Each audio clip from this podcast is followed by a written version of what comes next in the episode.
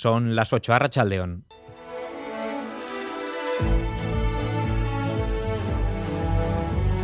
En Radio Euskadi, Gambara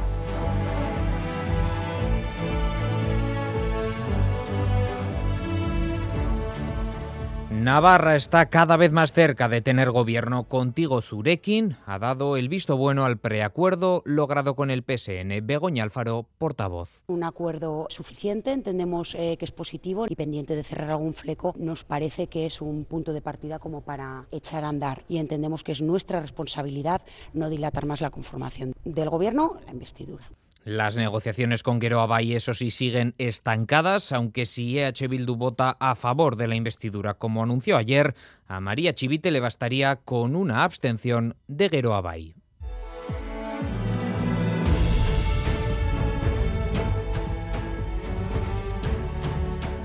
Quedan menos de 48 horas para la bajada de Celedón que dé comienzo a las fiestas de Vitoria-Gasteiz y en apenas hora y media pregón en la Plaza Nueva Gary Suárez. La artista Charo Arrazola será la encargada de llamar a los vitorianos y a las vitorianas a la fiesta en el pregón que se va a llevar a cabo a las nueve y media de la noche en la Plaza Nueva de Gasteiz. Arrazola, que sobre todo se ha dedicado a la pintura, pero que también ha trabajado con la escultura o la fotografía, siempre ha tenido muy presente el componente social en sus obras. En su pregón de hoy mirará al pasado y se centrará en la diversidad de Gasteiz. Es un poco una mirada retrospectiva, cómo hemos vivido las fiestas, ¿no? desde la infancia un poco y la adolescencia, que es cuando mejor te lo pasas. Pero luego también quería hablar de, que Vitoria ha sido cruce de caminos y ha sido un lugar de diversidad, ¿no? que, que la horizontal, horizontal, lo diverso y tal es parte del ADN de Vitoria y que nuestras fiestas son así. El de hoy es un acto mirando ya al viernes, día en el que comenzarán las fiestas a las 6 de la tarde del viernes. Será el turno de la bajada de Celedón. Gorka Ortiz de Urbina encarnará por último año a este mítico personaje. Hoy decía que será un momento más que especial para él. Sabe despedida, porque la verdad es que es una despedida. Seguramente se me va a hacer difícil allí, bueno, pero este año va a ser especial.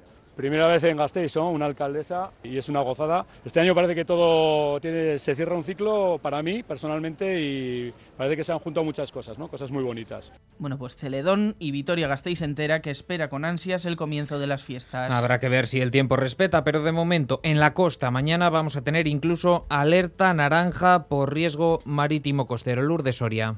Cambio brusco del tiempo, sí, de una mañana soleada con cielos despejados hemos pasado a primera hora de esta tarde a cielos grises, lluvia, viento intenso del noreste y bajada notable de temperaturas, así que nuestras playas se han vaciado de bañistas. Todo ello es fruto de una borrasca que mantiene a esta hora activado el aviso amarillo por riesgo marítimo costero para la navegación.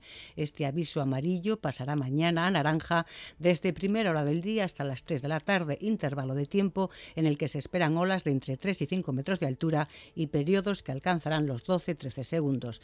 Desde las 3 de la tarde de mañana a las 6 de la tarde del viernes volveremos al aviso amarillo.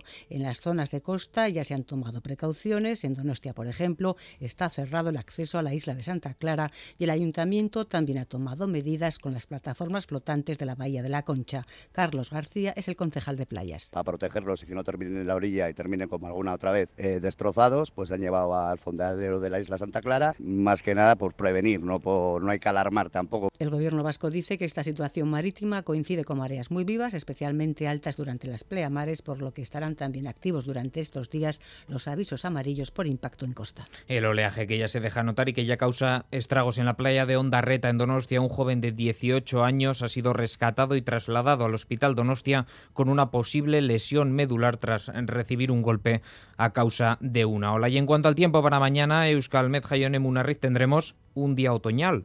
Nos espera una jornada bastante desapacible en cuanto a lo meteorológico, un día más propio del otoño que de primeros de agosto. En el norte abundante nubosidad con chubascos que serán eh, más intensos y frecuentes por la noche, sobre todo en el litoral y en zonas cercanas.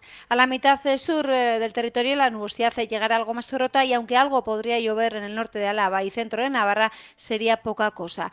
El viento del noroeste soplará con cierta intensidad, eh, sobre todo en la costa, donde registrarán rachas fuertes y las temperaturas máximas máximas se quedarán entre los 20 y los 22 grados. Y los titulares del deporte, Asier Medina, Arrachaldeón. Arrachaldeón, tarde en la que repasaremos todas las novedades del nuevo fichaje de la Real de Andrés Silva, además de poner un ojo en lo que ha sido la presentación de las plantillas masculina, femenina y genuina del Alavés hoy en la Plaza de los Fueros. También le daremos un vistazo a todo lo sucedido ayer en Glasgow en el partido que enfrentó a Celtic y Athletic y hablaremos de Íñigo Llopis, el donostiarra que se impuso en la final de los 100 metros espalda clase S8 en el Campeonato del Mundo de Manchester y logró su clasificación para los Juegos de París 2024. Será a partir de las 8 y cuarto en carretera sin incidencias a esta hora según el Departamento de Seguridad, así que con Miguel Ortiz y Aitor González en el control técnico comenzamos.